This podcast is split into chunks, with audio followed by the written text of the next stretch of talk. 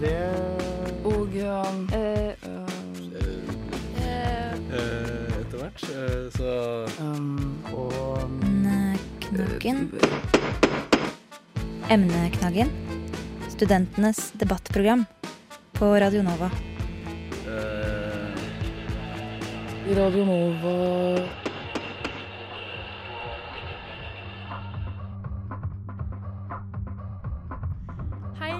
velkommen til 2016s første episode av debattprogrammet for studenter, Emneknaggen.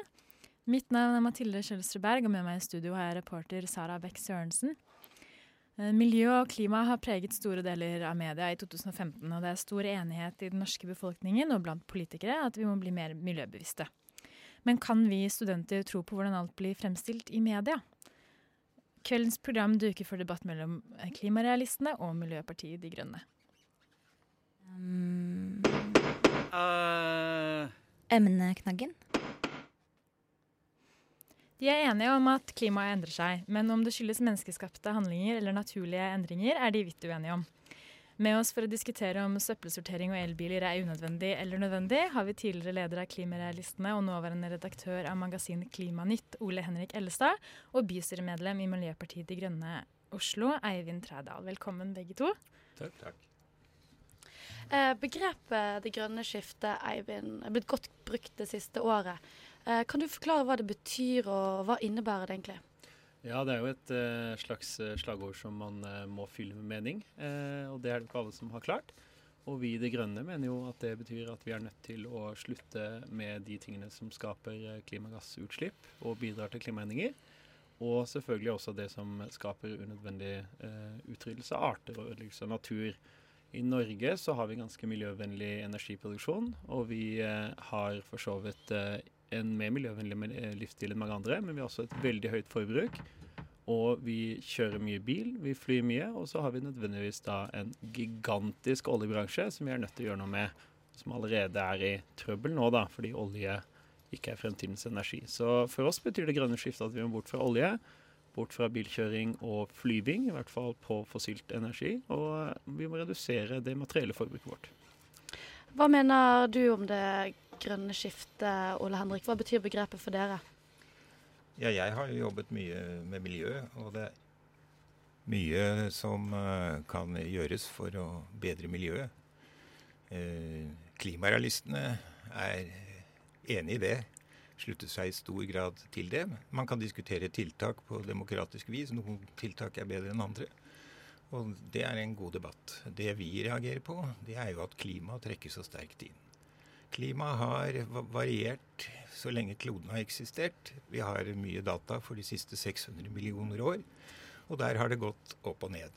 Dagens variasjoner er langt innenfor yttergrensene, og de er også innenfor grensene av hva som har skjedd eh, etter den siste istid. Vi skal være klar over at eh, under den varmeste delen for noen tusen år tilbake, gjennom en flere tusenårig periode, så var kloden varmere, og Norge var varmere. Det var ikke breer.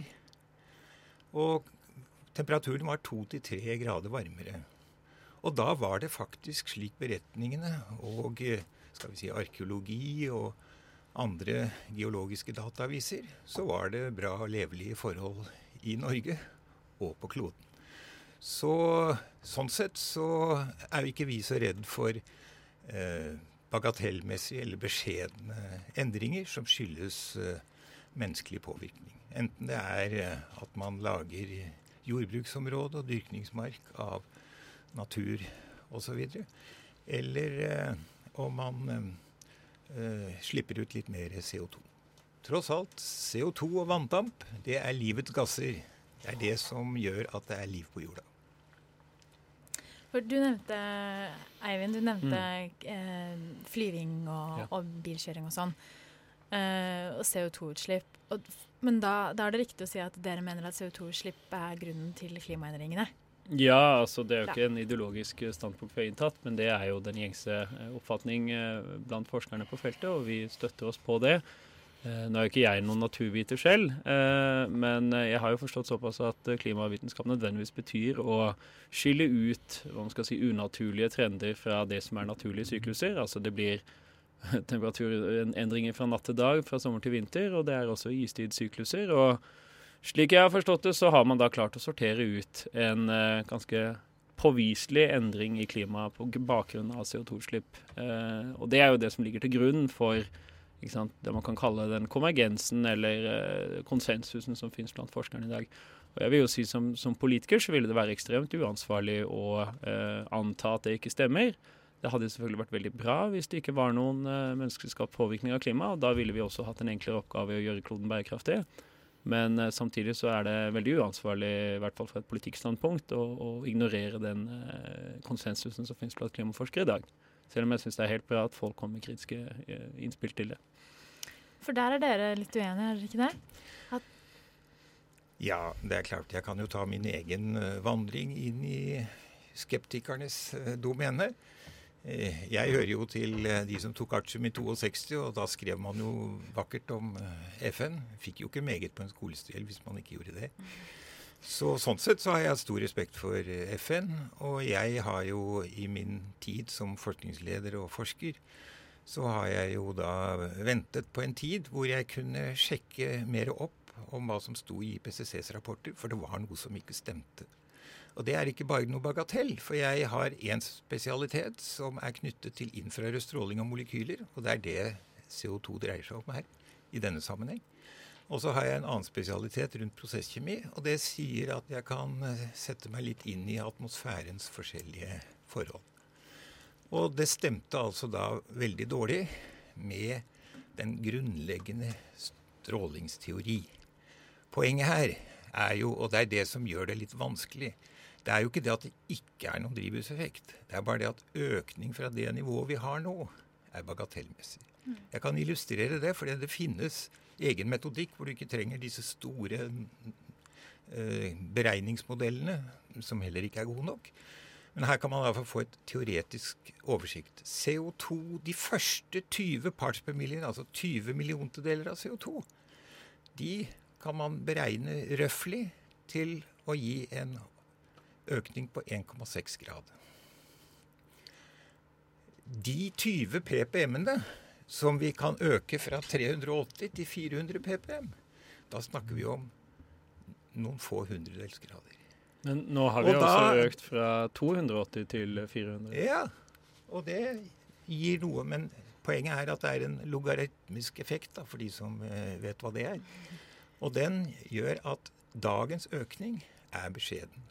Og man er faktisk ikke så Det det er konsensus om, hvis mm. det er konsensus om noe, det er at denne type teoretisk effekt kanskje kan ha rundt 1 grad ved dobling av CO2. Så hvis du tar fra 300 til 600 ppm, da, mm. så skulle det være ca. 1 grad. Mm. Det stemmer jo ikke med de voldsomme økningene vi hører om, nemlig fra 3,5 til 6, og noen snakker om 11 grader. Mm.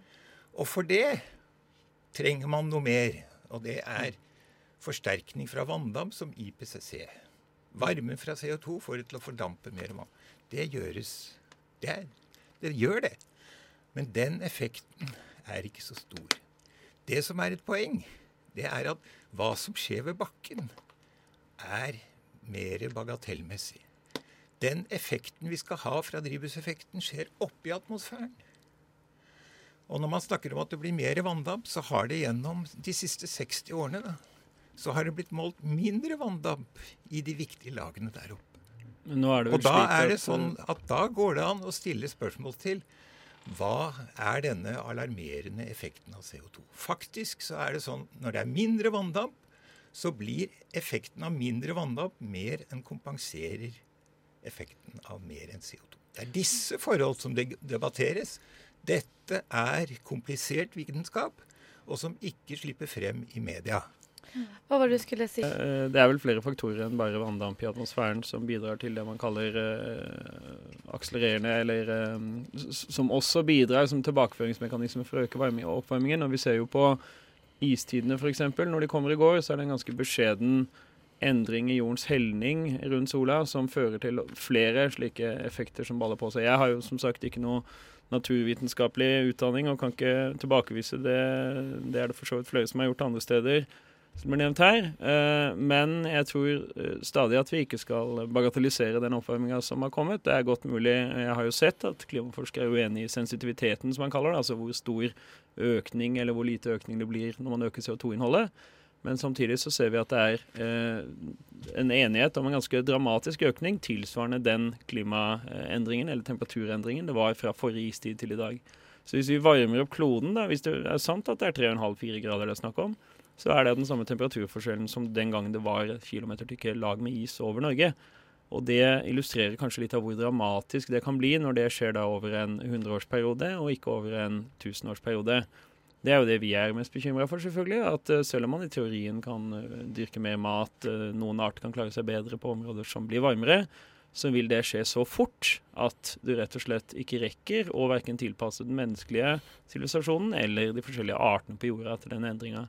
Og det er jo en av hovedgrunnene til at vi ser på dette som den største trusselen både mot vår sivilisasjon og mot livet på jorda. Som er ja. Men de endringene som du nå snakker mm. om, altså skjer fort. Altså nå har man en oppvarming fra den lille istid.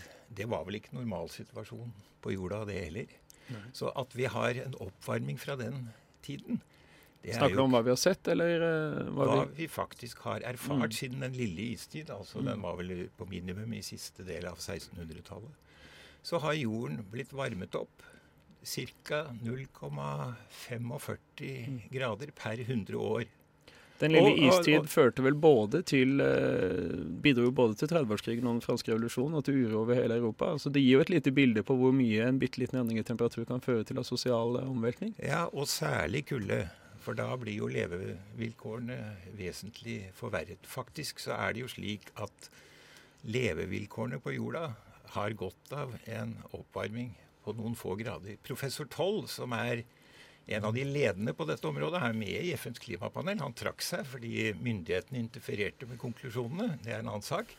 Men han har jo gått gjennom alle studiene. Han er altså en, ikke en hvem som helst. Han er virkelig en guru i den forstand at han er professor i miljø- og klimastrategi og har laget en metodebok som FN bruker. Ja. Og Han har gått gjennom litteraturen, og så sier han for uh, halvannet år siden så konkluderte han med at verden vil ha fordel av en temperaturøkning på to, inntil 2,2 mm. grader. For, Dette er vel et for, fagfelt for, som ingen enkeltperson ville kunne si noe fornuftig om? For fattig og rik. Ja, men det høres ut som en totalt verdiløs konklusjon fra én mann. Altså, dette er jo et, et, eh, En oppvarming av hele kloden vil jo ramme et nesten uendelig antall steder og mennesker, arter, på uendelig mange måter. Så det finnes jo ingen, en, ingen enkeltperson i verden som kan si noe fornuftig om effekten av en slik oppvarming. Han gjennomgikk et studium av de artikler som var publisert innen mm. feltet. Men det, det høres altså, jo totalt uh, altså Det er jo absolutt ikke brukbart, for å si noe fornuftig om det. Det var brukbart, da, hvis du sammenligner med hvordan vi hadde det for noen tusen år siden i Norge og ellers i verden. Mm. Det er jo det, det er som er hele poenget. Det er noe som heter cherrypicking ja. i forskningen, er det ikke det? Altså Man plukker de resultatene man liker best. Han må få lov å snakke ferdig før du får Det han gjorde, var å gjøre et studium hvor han, hvor han uh, eh, så på hvilke publikasjoner er det som har tatt for seg dette, og hva viser publikasjonene. En såkalt eh, oppsummerende bidrag, og med sin kompetanse. Og det ga det resultatet. Men det er det samme resultatet som vi har f.eks. fra middelalderen. Da hadde vi en varmeperiode. Vi hadde under romertiden. Vi hadde under bronsealderne. Farao. Altså Vi ser faktisk at vi har en tusenårssyklus. Og alle de periodene har vært til fordel for menneskene. De har gått frem i, i altså hele samfunnet. Og selvfølgelig så har altså herskere kunnet uh, bruke så mye ekstra midler uh, på uh, byggverk osv. som er en indikasjon på at samfunnet har vært veldig bra på den tiden. Og det vi ser i dag, er ikke noe annet. Den, den syklusen som vi har i dag, den spådde den kjente astronom Johannes Kepler allerede på 1600-tallet. Han var jo også meteorolog, for fyrsten var det vel en gang. Så han hadde satt seg litt inn i klimaet. Han sa at Europa vil bli varmere de neste 500 år. Eh, du hadde en eh, kommentar her. Ja, altså Min største bekymring er jo ikke at vi eh, kan, kan du si at vi vet nok om å gjøre noe, men at det er veldig mye vi ikke vet som sannsynligvis kan være negativt. Og Et eksempel på det var jo f.eks. havforsuring, som ingen hadde fått med seg. Generelt har jeg et inntrykk av at studiene av livet i havet er ganske mangelfulle til tider. og man fant jo plutselig ut at CO2 bidrar til å redusere pH-nivået i hele havet.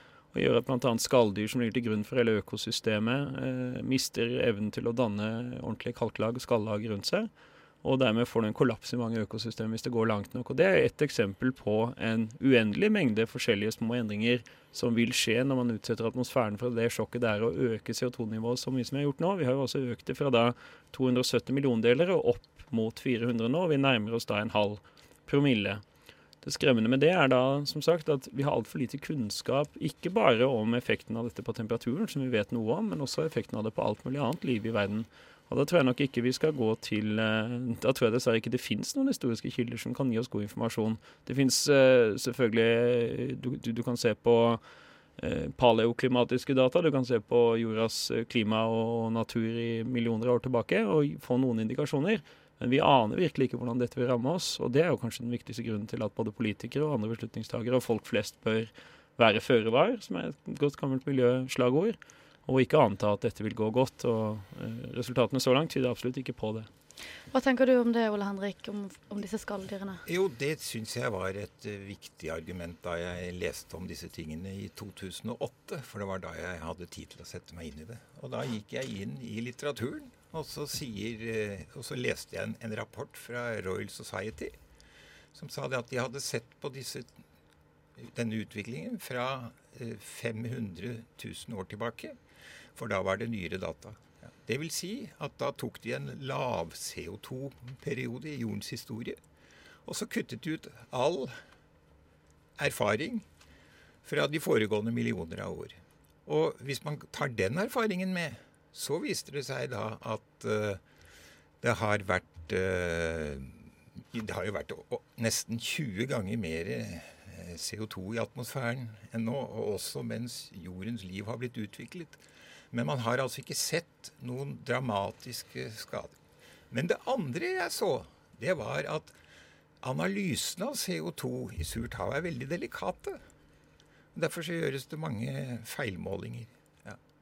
Og dette må man skjerpe. Det tror jeg man har skjerpet nå. De verdiene man måler nå, er mye bedre. Men det referansegrunnlaget på å gå fra 8,2 i pH til 8,1 Dette er, altså en logaritmisk skala? Ja, ja, men det er, det er småtteri. Det er 30% sure? Det er endringer i systemer som er studert, hvor pH-endringen er øh, over 1, øh, mm. opp til 1,5 i løpet av et par døgn. Og de studiene man har gjort, viser at det er faktisk ikke noen stor fare. Men det aller viktigste det er at i vannet så finnes det forbindelser som gjør at CO2 felles ut som karbonat eller eh, kalsiumkarbonat eller som andre stoffer. Det er så mye av de at det er faktisk ikke noen stor fare for at eh, pH-endringen skal endre seg vesentlig. Og selv beregningene fra IPCC er vesentlig. I dag har vi jo pH på 7,8 flere steder. Utenfor Newfoundland leste jeg i den rapporten jeg siterte. Det, det, det, det um, pipler opp CO2 fra altså vulkansk undergrunn mange steder. Og man skal ikke mer enn like rundt hjørnet, så går livet sin vante gang. Har du en uh, kommentar til det, Øyvind, før vi går, litt, går, vekk litt fra vitenskapen? Eh, ja, altså jeg, det er jo uh, i mine øyne da uh, hva skal Man si, man kan alltid bli anklaga for å velge å vrake den informasjonen som passer dem best. Og den anklagen kan sikkert rettes mot folk som både er bekymra for klimaendringer og havforsuring. og så hører vel jeg kanskje en tendens til det motsatte her, fra Helstad, om at alle veier leder til et bedre samfunn med økte klimagassutslipp. jeg tror nok at hvis jeg har forstått det riktig, så kommer den første publiserte vitenskapelige artikkelen om havforsuring i 2006. Så det overrasker meg hvis det allerede har blitt forkasta som en teori. Dette er et veldig ferskt uh, studieområde. og det poenget som jeg kanskje ikke kom helt fram til i stad, var jo at det tok uh, mange tiår før fenomenet i det hele tatt ble oppdaga. Jeg tror det er veldig mange andre fenomener eh, som vi dessverre, eller effekter av økt CO2-utslipp som vi ennå ikke har oppdaga, dessverre. Så eh, For det første er jeg redd for om vi har nok eh, hva skal man si, grunnforskning og nok eh, informasjon og målinger til å overskue hele problemet. Og så mener jeg man bør være føre var og ta til etterretning de veldig sterke advarslene som de vanlige hva skal man si, det Konsensusen blant klimaforskere i dag eh, slår fast at vi bør eh, bekymre oss over. Det, det er ingen konsensus. Nei. Um, Ole Henrik, Ja. eh, hvorfor tror du at det har blitt et dogme at klimaendringene er menneskeskapte i Norge? Ja, det lurer jeg på. Altså Hvis vi ser historisk på dette, så har jo denne drivhusteorien Den så vel siden lys første gang rundt 1824, Fourier. Og så kom det i midten av 1800-tallet, så uh, fant man ut at, uh, at øh, CO2 absorberte innfører stråling. Og så kom Arenius med det paperet som øh, viste at øh, Eh, Det kunne være 5,5 grad ved dobling, den såkalte klimasensitiviteten som ble nevnt. Men det som eh, aldri blir nevnt, er jo at eh, Arenius angret. Han har for øvrig nobelprisen innen det andre feltet jeg har jobbet med, nemlig katalyse og prosesskjemi. Han angret, og i ti år etter, i 1906, så påviste han, eller beregnet han, at det ville være ca. 1,5 grad. Det er ikke så langt fra det moderne tallet på ca. 1 grad for CO2. Men vi har jo alltid hørt om 5,5 og Arenius. Altså, det er umulig å få folk til å gå bort fra det. Så her ser vi jo at dette blir altså, hauset opp på en måte som, eh, som eh, ikke er realistisk. Og så kom det da frem og tilbake. Hver gang det har vært varmt, så har teorien vært oppe. Og hver gang det er kaldere, så tenker man noe annet. I 1960-årene så kom World Meteorological Organization, russere og amerikanere, med en teori om at vi nå ville gå inn i en ny lille istid. Og så plutselig så snudde det på bakgrunn av en liten modell, og så kommer IPCC. Nei, eh, så, så kommer Brundtland-kommisjonen, som konkluderer med at den er menneskeskapt i 1987, og så kommer IPCC i 1988. Og så tar det. Når du følger prosessen til IPCC, og hva de har konkludert, eh, og hva media har skrevet, så er jo dette altså hinsides vitenskapen. Selv altså det som man leser om i media, er jo ikke engang det IPCC skriver. Og det IPCC konkluderer med i 'Summary for Policymaker', er jo ikke engang det som forskerne publiserer langt inne i disse flere tusen siders rapportene sine. Så noe skjer, og det er helt klart at nå har noen begynt å tro på den menneskeskapte store bidraget.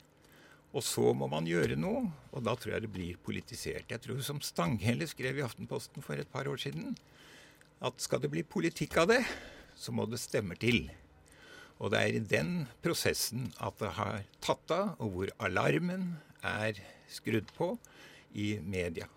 Og selvfølgelig organisasjonene som lever eh, for så vidt og ånder for dette, og, og i noen grad så lever de av det òg, de, de eh, tar jo disse alarmerende budskapene og bringer dem videre. Jeg har vært med på TV-debatter hvor altså de, hvor programlederen Altså jeg er da eh, for så vidt prygelknabe.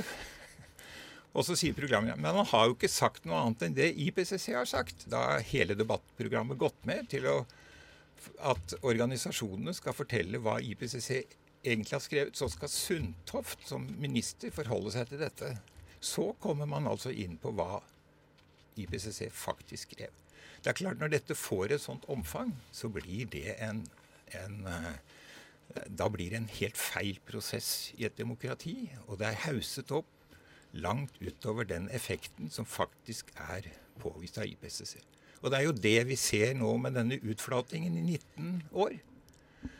Eh, temperat all beregnet varme via IPCCs modeller, det er faktisk ikke observert. Og så har du en voldsom debatt om noen få hundredels grader i usikkerhet og hvilken temperaturserie man ser på. Og det skal liksom endre at man har overdrevet betydningen av CO2. Noen få hundredels grader. Vi har 0,6 til 0,8 grader på 100 år. Det er en høyst moderat sag. Og det er den samme som stort sett har fortsatt fra den lille istid. Eivind, Øh, skulle du si noe til? Nei. Nei, jeg, jeg tenkte jeg skulle spørre om For det, det du sier med at de baserer det de sier på noe de antar, eh, som de ikke nødvendigvis har forskning som kan bekrefte. Tenk, du sa også i stad at, dere, at det var, du syntes det var viktig å være føre var, og Mm.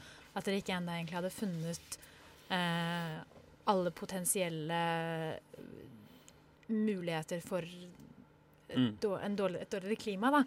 Tenker du ikke, Tror du ikke det er noe i det, det han sier, at det, at det kan være greit å forholde seg til det som er fakta? Ja, det spørs litt. det blir jo et uh, tullete spørsmål. Men uh, i denne igjen så Mitt poeng er jo at dette er et så uh, ekstremt stort område med så mange empiriske spørsmål som for så vidt er mulig å svare på, men som vi ikke har nok forskning på. Da tenker jeg mest på konsekvensene både av økt CO2-utslipp og økt oppvarming. Men samtidig så peker jo alle seriøse studier i samme retning, som jeg har fått med meg og klimaskeptikerne i Norge. På tross av at Norge er et land som har en veldig stor interesse av at klimaendringer ikke fins. Altså vår hovednæring er olje- og gassutvinning. Så eh, er det altså ikke et eh, standpunkt som står sterkt eh, verken i norske fagmiljøer, som faktisk fins, og som ellers har vært i direkte debatt med flere ganger, og med internasjonal forskning. Så eh, selvfølgelig skal man basere seg på vitenskap, men all politikk utformes jo, og all samfunnsdebatt foregår jo med mangelfull kunnskap, hvis du strekker et eh, hva skal man si, hardt nok eh, beviskrav til det. Det finnes nesten ingen forskning der man er endelig konkludert, og dette er jo en av, som egentlig vi er inne på her, en av grunnproblemene med å utforme politikk og drive samfunnsdebatt. at altså Forskere er som regel dårligere formidlere, og ting må populariseres. Jeg tror eh, man har vært eh, i Norge mer flegmatisk og avslappa enn man burde vært. Eh, slik jeg har lest de rapportene jeg har lest, og slik jeg har sett på formidlingen av den klimakunnskapen jeg har sett. Altså, vi har altså et land som har maksimert oljeutvinninga vår i en tid nettopp etter at Brundtland-rapporten kom. Så Norge og Norge har også økt utslippene våre fra transportsektoren etter dette. Altså Norske CO2-utslipp har økt med nærmere 30% siden 1990, da Brundtland-rapporten kom. Så Sånn sett så har klimaskeptikerne fått alle sine villeste drømmer oppfylt i norsk politikk. Klimapolitikken har ikke blitt prioritert, og vi har stort sett latt som den ikke eksisterte, eller at den angår andre enn oss. Så dette er for så vidt eh, Hva skal man si? Eh, klimaskeptikerne har ikke vunnet den eh, reelle debatten om forskninga, men de har eh, vunnet i den forstand at vi ikke har tatt disse advarslene på alvor. Og der kommer jo igjen da Er det noen stemmer i det? Nå har vi heldigvis begynt å få litt stemmer i Miljøpartiet De Grønne, som jeg sjøl har engasjert meg i. Men det har jo også vært veldig mye stemmer i å opprettholde en politikk som øker klimagassutslippene i Norge. Og det er vel stadig majoritetens eh, hva skal man si, partier. Jeg tror det må bli siste Ja. kommentar fra deg, Ole Henrik, før vi må avslutte. Ja, Føre var går jo på flere ting. Altså Hvis du studerer ikke bare CO2, for det er mandatet til IPCC. De har et mandat og følge mandatet. De prøver å forklare alt ut ifra en CO2-teori. Og så sier man etter hvert mer og mer Selvfølgelig er det naturlige variasjoner. Det er sånn mandatet er. Det var mandatet til Cicero før de endret det, men de endret ikke forskningen sin. Så, eh, så eh, får man altså da en, eh, en liten forståelse av naturlige variasjoner, men man skal ha føre var, fordi naturlige variasjoner er ikke detaljert. Fø nå skal vi gå inn i en kaldere periode. Det som er min føre var, det er at med en økende verdensbefolkning til 10 milliarder, så går vi inn i en kaldere periode. Nå har du 15 sekunder. og det er å være føre var og se på den situasjonen, og ikke på en hypotese som faktisk ikke har så enorm oppslutning som dere hevder. Da må vi dessverre avslutte der. Ehm, det var det vi rakk, dessverre. Eh, med oss i dag hadde vi tidligere leder av Klimarealistene, nåværende redaktør av Klimanytt, Ole Henrik Ellikstad, og bystyremedlem fra Miljøpartiet De Grønne, Eivind Trædal. Takk for at dere var her. Takk skal du ha. Eivind. Um, det Og ja, Eh, um, eh, etter hvert, så um, og Emneknaggen. Emneknaggen. Studentenes debattprogram på Radio Nova. Radio Nova